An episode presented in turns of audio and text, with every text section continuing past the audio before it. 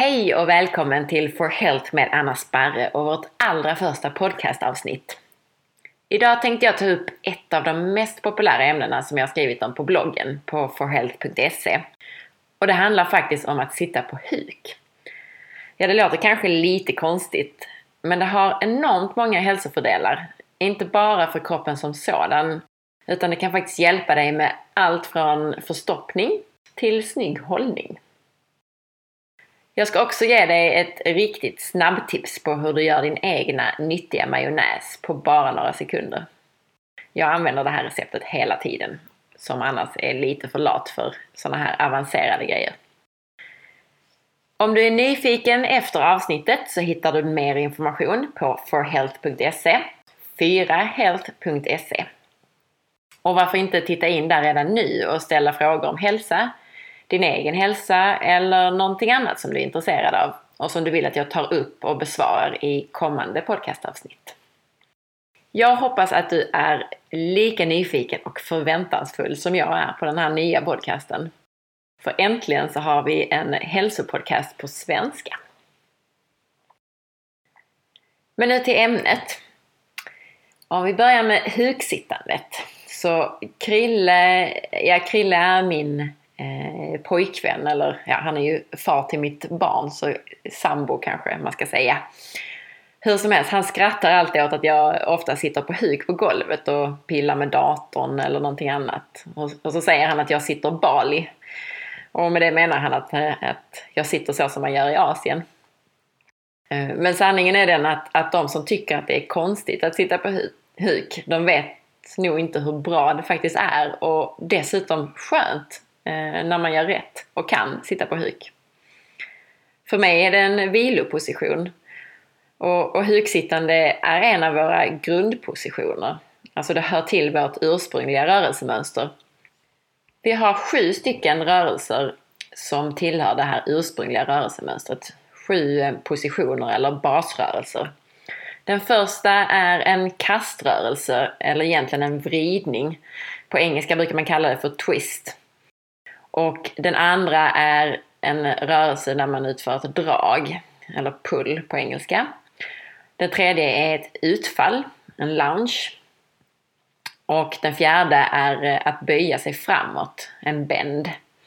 Och sen har vi den femte som är huksittandet, eller squat på engelska. Det sjätte är att man skjuter någonting, alltså, eller trycker det, en push. Och sen har vi den sjunde som är eh, en gång eller, eller löpning, eh, walk. Och hälsofördelarna med att kunna göra alla de här rörelserna är väldigt många och det kommer du förstå här snart. Eh, och just huksittandet är väl det som flest personer har svårast med. Det är nämligen så att de flesta i västvärlden är alldeles för korta i hälsenan och i vadmusklerna och kan därför inte sitta på huk ordentligt. Och då blir det bara jobbigt. Eh, det brukar man kalla för att istället för att man gör en squat så gör man en western squat. Eh, vilket betyder att de har, har hälarna i luften fortfarande och sitter och balanserar. Det är väldigt ansträngande att sitta så om man, om man är för kort i hälsena och vader. Och de här personerna borde faktiskt börja stretcha och sitta lite mer på huk. Om inte annat av den enkla anledningen att om man är för kort i de senor och muskler som styr just då huksittandet så blir det lätt att man börjar gå plattfot istället för att eh, rulla med foten när man går som man gör normalt. Och det här kan ge ett antal problem. Anledningen att man blir för kort i hälsidan är bland annat att man inte sitter på huk, vilket vi är gjorda för. Kolla bara på barn som leker utomhus till exempel. Min egen son på nio månader, han kan inte gå än men han kan sitta på huk. Det finns fler anledningar än, än just det att man inte sitter på huk som gör att, att man inte kan det. Eh, högklackade skor eller skor med upphöjd häl är en anledning som gör att man blir för kort på hälsidan och i hälsenan. Sittande på stolar har ersatt det naturliga huksittandet. Vi borde alltså inte bara äta mer som vi gjorde på stenåldern eller under evolutionen utan vi borde faktiskt börja röra oss mer som vi gjorde då också. Sluta sitta på stolar och inte springa allt för mycket i högklackade skor även om det kan vara rätt snyggt. Eh, och framförallt försöka hänga lite på huk. Varför inte ta nästa middagsbjudning på huk? Men om vi då kommer till hälsofördelarna med att sitta på huk, att kunna sitta på huk och att träna på att sitta på huk.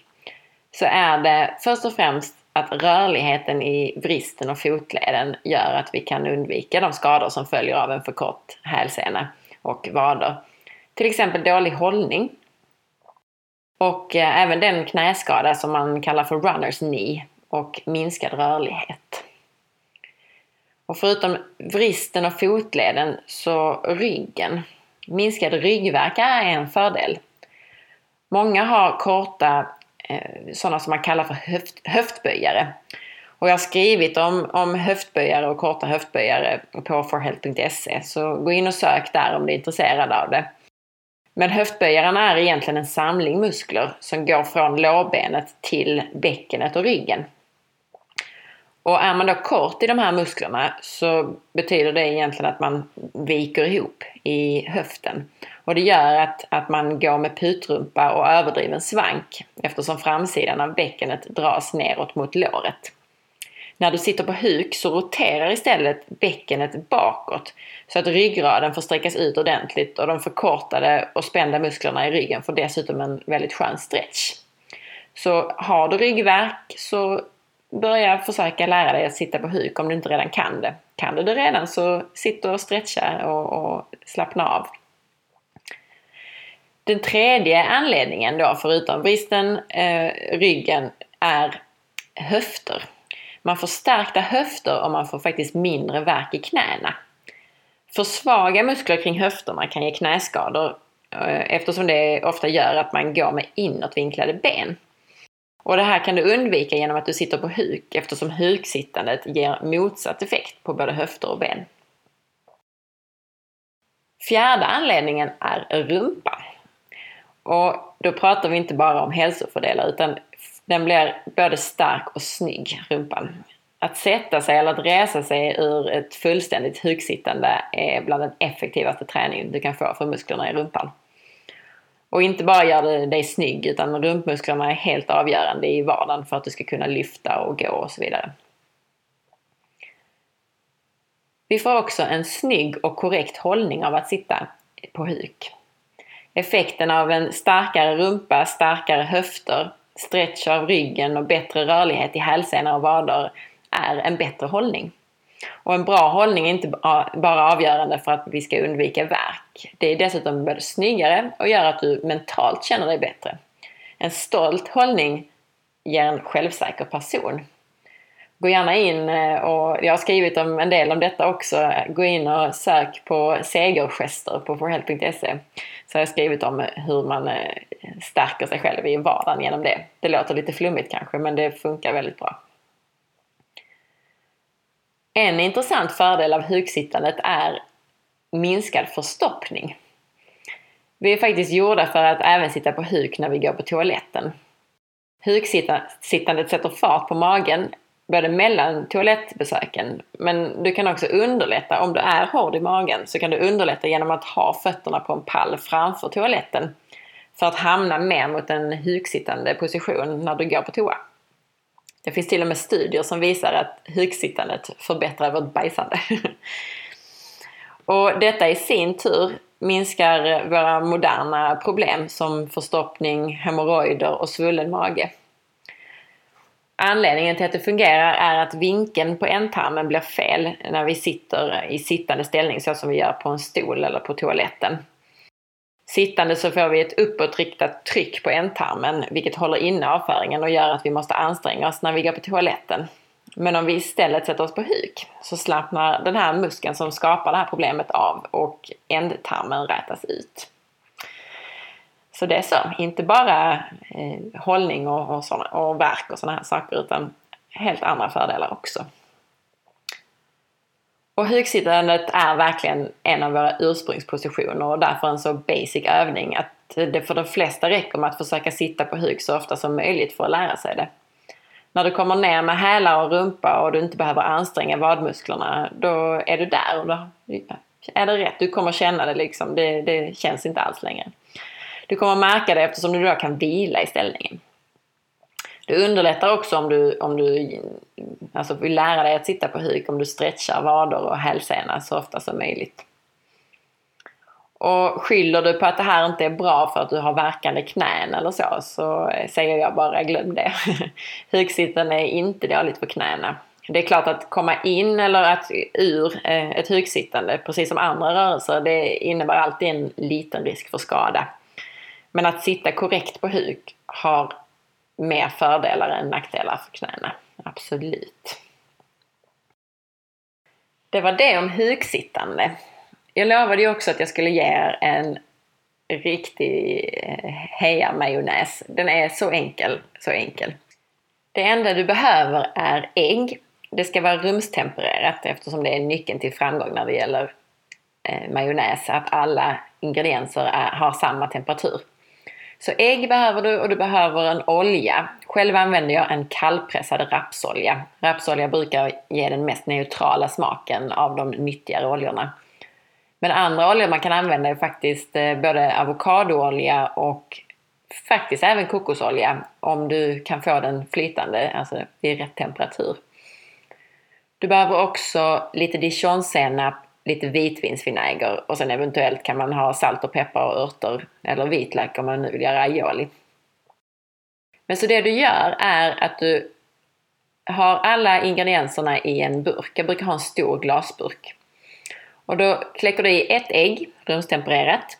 Du häller på mellan 1,5 och 2 deciliter olja.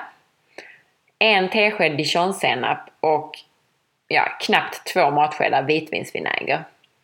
Det enda du behöver göra sen är att du har alla de här ingredienserna i en stor burk. Glasburk brukar jag ha som sagt. Och sen tar du en stavmixer. Du trycker ner stavmixern längst ner i botten kör igång den och sen ser du att det redan börjar bli lite majonnäsformat av det hela efter ett par sekunder och då drar du långsamt mixern upp igenom hela oljan. Och sen är det klart. Och jag tror att det här fungerar för att när du lägger alla ingredienser så hamnar äggulan i botten och oljan lägger sig ovanpå. Så när du trycker ner stavmixern längst ner i botten och kör så blir det som att oljan droppar ner sig själv i ägget som ligger i botten. Smart va? Slipper hålla på och separera vita och gula och droppa olja och ha det. Och som jag sa så experimentera gärna med andra nyttiga fetter. Eh, avokadoolja har jag hört eh, kan bli jättebra i majonnäs och är också en fin och nyttig olja. Och kokosolja är ju en helt perfekt olja så om du testar det så får du jättegärna höra av dig och berätta hur det gick. Men det kräver ju en viss temperatur. Så testa gärna som sagt och återkom. Det var allt för idag. Gå gärna in på iTunes och tyck till om den här podcastkanalen. Det gör du genom att du klickar på ikonen, alltså bilden på mig i iTunes. Och sen väljer du betyg och recensioner. Väl inne där så klickar du på stjärnorna. Eh, klickar du längst till höger så markerar du alla fem stjärnor. Det vill säga om du tyckte att det var bra. Och klickar du längst till vänster så blir det bara en stjärna om du tyckte att det var sämre. Du kan på samma sida trycka på knappen som heter Skriv recension och skriva en mening om vad du tycker. Och vill du dela med dig av avsnittet till en vän så klickar du på pilen bredvid knappen Prenumerera och väljer antingen att kopiera länken och klistra in i ett e-mail till din vän eller att kan du också klicka på Dela på Facebook. Glöm inte heller att titta in på forhealth.se för att ställa frågor som vi kan ta upp i kommande avsnitt. Kanske har du följdfrågor på det här ämnet eller så har du frågor om något helt annat. Frågorna ställer du i kommentarerna till blogginläggen.